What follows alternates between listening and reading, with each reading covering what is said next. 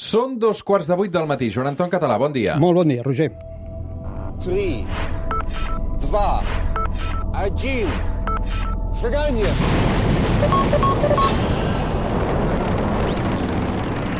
One small step for man, one giant leap for mankind. Joan Anton Català, com va la vida? Molt bé, molt bé. Amb ganes, eh, Roger, d'avui d'aquest programa. Home, és que avui la cosa va d'explosions, De, de les més grosses. de les més grans. Som al Suplement, som a Catalunya Ràdio, això és la Terra es plana. Cada diumenge a l'hora que surt el sol mirem cap al cel, eh, parlem de ciència, ho fem a través de l'astronomia, de la química, de la física, una mica de tot. I avui, com explicava el Joan Anton, parlarem d'explosions perquè fa poc, el dia 9 d'octubre del 2022, fa poc més d'un any, el nostre planeta va rebre la llum de la que es considera l'explosió més gran de tota la història. Un esdeveniment que va alliberar la mateixa energia que la que emetrà el Sol en tota la seva vida. Ara un estudi ha comprovat que la radiació va afectar com mai la nostra atmosfera. Però com ho va fer exactament i què suposa això pel nostre planeta? Avui ho descobrirem a la Terra Esplana del Joan Anton Català.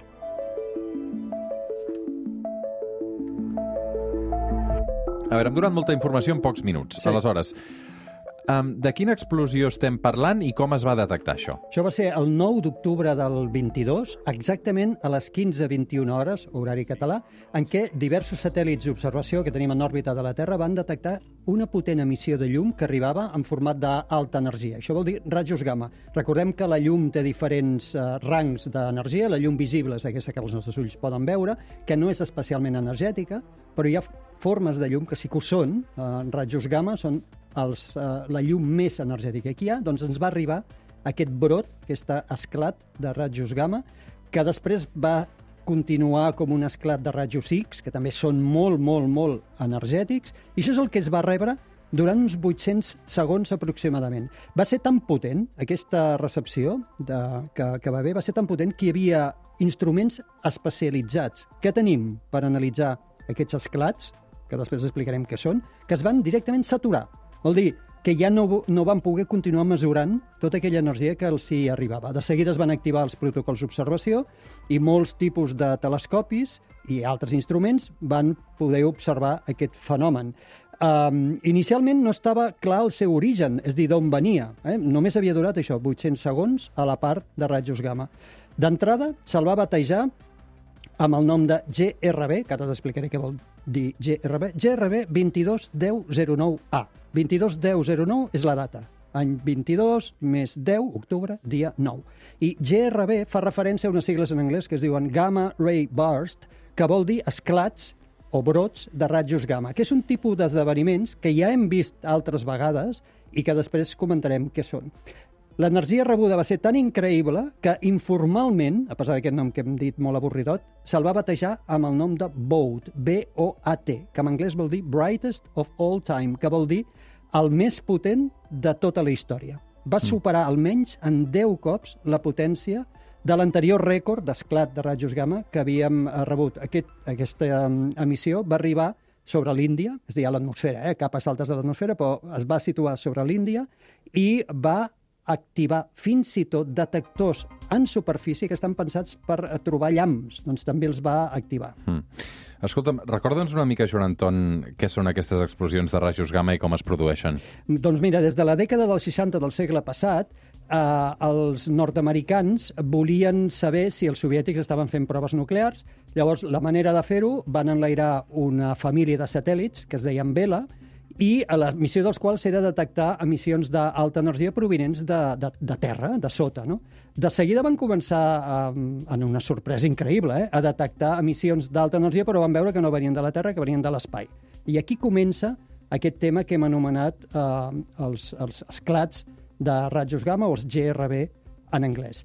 Uh, després t'explicaré que n'hi ha de diferents uh, menes i cadascun d'aquestes tipus està associat o creiem que està associat a fenòmens uh, diferents. La qüestió és que actualment tenim sistemes de detecció ja molt potents i l'Agència Espacial Europea estima que cada dia en rebem un d'esclat de rajos gamma, però mai, mai com aquest que es va rebre uh, el, fa un any, eh? ja et dic. Uh, durant molt de temps s'ha intentat saber les causes, després t'explicaré, no estem del tot segurs encara què és el que provoca unes explosions tan tremendes, que abans ho deies, en pocs minuts, aquestes explosions són capaces d'alliberar tota l'energia que un estel com el Sol alliberarà en tota la seva vida.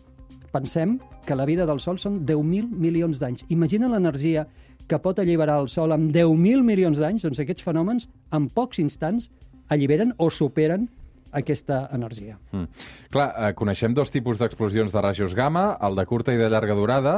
Sí. A veure, anem primer pels de curta. Um, com són exactament? So, duren pocs segons, a vegades n'hi arriben al segon, i, els, i amb tota aquest, aquesta missió, eh, aquesta resolució que fem d'una energia tremenda, i els associem a als instants finals de la fusió de dos estels de neutrons o de dos forats negres. En aquest cataclisme brutal s'alliberaria i, a més, s'alliberen d'una manera molt direccional. És com un far, és com un flash de llum, fla, en una direcció molt concreta, que si nosaltres estem en aquella direcció és quan rebem aquest flux. I els de llarga durada, Joan Anton? És un eufemisme de llarga perquè vol dir pocs minuts, eh? diem llarga comparat amb els, amb els primers. Tindríem el seu origen en l'instant final de la mort del col·lapse gravitatori d'un estel gegant, d'aquests més massius, que normalment hem anomenat en aquests moments explosions de supernova, però aquí són hipernoves. Els, el, són encara molt més energètics que les supernoves. Per tant, ja veus que els dos fenòmens són cataclísmics, és dir, són, són desastres totals de l'univers, generen un feix de llum de rajos gamma i de rajos X molt direccional,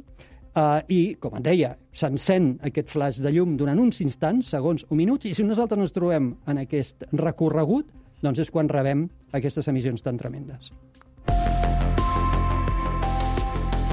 Amb el Joan Anton Català parlant d'explosions a la Terra. Ara sí que ens fixem en aquesta que es va produir el 9 d'octubre del 2022. Sí. De quin tipus és? De llarga durada, de curta durada? Quines característiques tenia la del 9 de nove- d'octubre del 2022? Aquest és, aquest és de llarga durada, per tant l'associem a la mort d'un estel molt massiu, uh, és el BOUT que dèiem abans, aquest esdeveniment.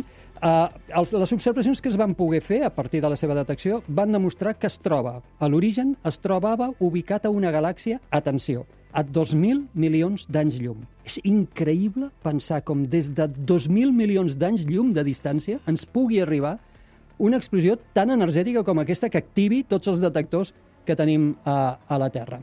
Uh, hem calculat l'energia que va arribar. I d'aquest càlcul de l'energia jo l'he trobat i he fet el meu propi càlcul. Eh, Roger, com saps que m'agrada fer? Doncs he comparat aquest càlcul d'energia que ens va arribar amb l'energia que emet el Sol. I em surt que en 80 segons que vam rebre aquest, aquest esclat de rajos gamma, eh, es va alliberar tanta energia com 300 cops l'energia que alliberarà el Sol en tota la seva vida, 10.000 milions d'anys. T'haig de dir, en origen, afortunadament aquesta energia no és la que ens arriba, eh? en origen, a 2.000 milions d'anys llum de distància, en 800 segons es va alliberar aquesta energia. I és una xifra a la baixa, perquè quan he mirat els estudis, diuen, com que se'ns van saturar els instruments de mesura, per tant, la- l'energia que hem pogut mesurar és només la que vam aconseguir mentre els instruments funcionaven, abans de que se saturessin. Per tant, eh, l'energia que es devia alliberar és molt més grossa, molt més grossa eh, que això. És tan excepcional aquest fet de l'octubre de l'any passat que l'Agència Espacial Europea calcula que una missió com aquesta deu arribar a la Terra estadísticament cada 10.000 anys i continuen dient hem estat molt afortunats de rebre, perquè clar, per, per la ciència és brutal l'estudi del que, del que es pot observar d'això, no? del que es pot obtenir. I eh, altres instruments l'han observat, com et deia, un dels més importants és el Gran Telescopio de Canàries, que està a Roque de los Muchachos, a La Palma, i aquest telescopi, després de que es produís aquest esclat de rajos gamma, i enfocant cap al lloc de l'univers d'on semblava provenir, va veure això, va veure que en una galàxia de 2.000 milions d'anys llum hi havia quelcom que podia suggerir que allà havia explotat un d'aquests estels supergegants. Dèiem que aquesta expressió de rajos gamma havia afectat la nostra atmosfera. Uh, en, quin, en quin sentit ha afectat la nostra atmosfera? Ho hem patit? Sí, petit no, però mira, mai, mai cap esclat de rajos gamma que havíem rebut havia afectat gaire a l'atmosfera. De fet, tan sols un parell o tres d'esdeveniments similars havien generat algunes afectacions a la ionosfera. La ionosfera és una regió de l'atmosfera que més o menys se situa entre els 50 i els 950 quilòmetres d'altura, i on hi tenim partícules carregades elèctricament, això són electrons i ions, i aquesta capa és molt important per la transmissió de senyals de ràdio, perquè les senyals de ràdio reboten en aquesta capa, tornen a baixar, i així és com podem propagar a la Terra senyals de ràdio a molta distància. Els cops que sí, que s'havien detectat aquestes afectacions, només s'havien vist a la part més baixa de la ionosfera i de nit. Perquè és quan el Sol no hi és i la radiació solar és la que més impacta sobre aquesta ionosfera, per tant, no es podien detectar de dia, eren tan febles que no es podien detectar. Però un nou estudi que s'acaba de publicar demostra que aquesta, la del Bout, la de l'octubre de l'any passat, va afectar tota la ionosfera en tota la seva extensió, a dalt i a baix, que és un fet inèdit fins ara. Uh, bàsicament el que va és espitjar com empenya la ionosfera amb altura, enviant-la més uh, cap a baix. I la van poder detectar a partir de la transmissió d'ones de ràdio de baixa uh, freqüència. Uh, hi ha estudis, t'haig de dir, que demostren que un esclat de rajos gamma que es, pro es produeixi massa a prop de la Terra sí que ens podria afectar de a la vida. És dir, pot esterilitzar un planeta totalment. Hi ha uns estudis que diuen que si una explosió com aquesta es produeix a uns 200 anys llum de distància, eh, ja et pots donar per perduda tota la vida que hi pugui haver en aquell eh, planeta. Afortunadament, com hem vist ara, aquests esdeveniments es produeixen molt més lluny que aquests dos anys, 200 anys llum de distància, i, a més a més, com que són tan direccionals, seria molta casualitat que nosaltres ens situéssim a la direcció, en el far, no? el feix de llum que, que toca. Però bueno, si passés això, primer estabilitzaria la vida a la Terra. I si l'esclat de rajos gamma fos més intens que aquest que vam rebre l'any passat, eh, tot i estar a tanta distància, no eliminaria la vida, però afectaria la capa d'ozó. I això té efectes gravíssims sobre la vida a la Terra perquè sabem que la capa d'ozó ens protegeix de la llum ultraviolada eh, del Sol. Hi ha autors, de fet, que pensen que alguna de les cinc grans extincions massives que hi ha hagut a la història de la Terra potser ha estat provocada per algun fet similar. Som al suplement, som a Catalunya Ràdio, això és la Terra es plana, avui parlant d'explosions a la Terra.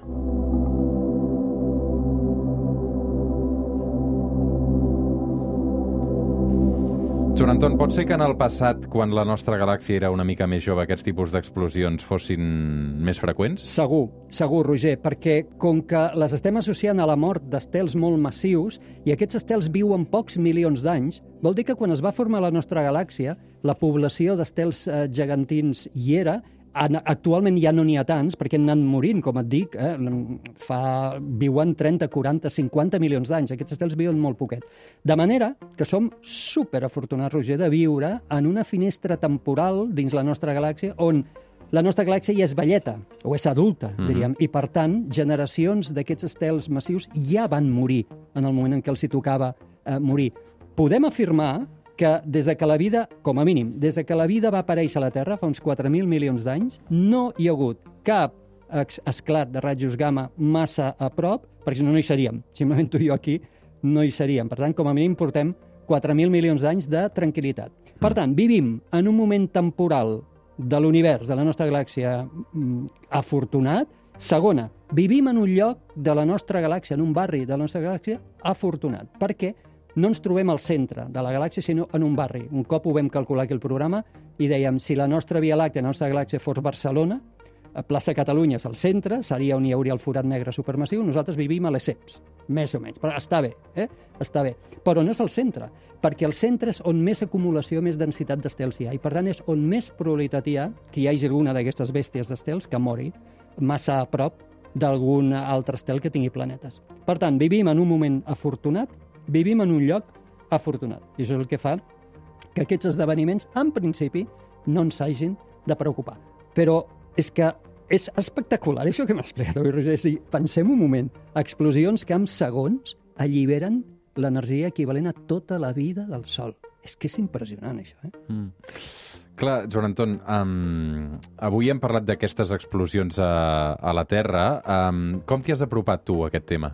No, jo m'hi vaig apropar quan, quan estudies uh, astrofísica, un, els esclats de rajos gamma els estudies. És un uh. -huh. fenomen que és, és clàssic, clàssic des del punt de vista no de la història, perquè ja dic que els vam començar a detectar a la dècada dels 60 del segle passat, clàssic des del punt de vista de que és un tipus de, de camp dins uh -huh. de l'astrofísica que anomenem camp d'emissions d'alta energia, que són extraordinaris per tot això que estem dient i on fins fa molt poc no hem pogut començar a tenir peces de puzzle que ens diguin quin és l'origen, que ens digui què és el que els provoquen. Per tant, s'estudia, l'astrofísica s'estudia perfectament i, de fet, hi ha científics que es dediquen específicament en aquest camp, el de la física d'altes energies de l'espai, uh mhm. -huh. i una de les coses que estudien és això, forats negres, estrelles de neutrons que es fusionen, o la mort d'estels supermassius que emeten, que provoquen aquestes emissions. Cada vegada més dones, no, també, Jonathan? Afortunadament.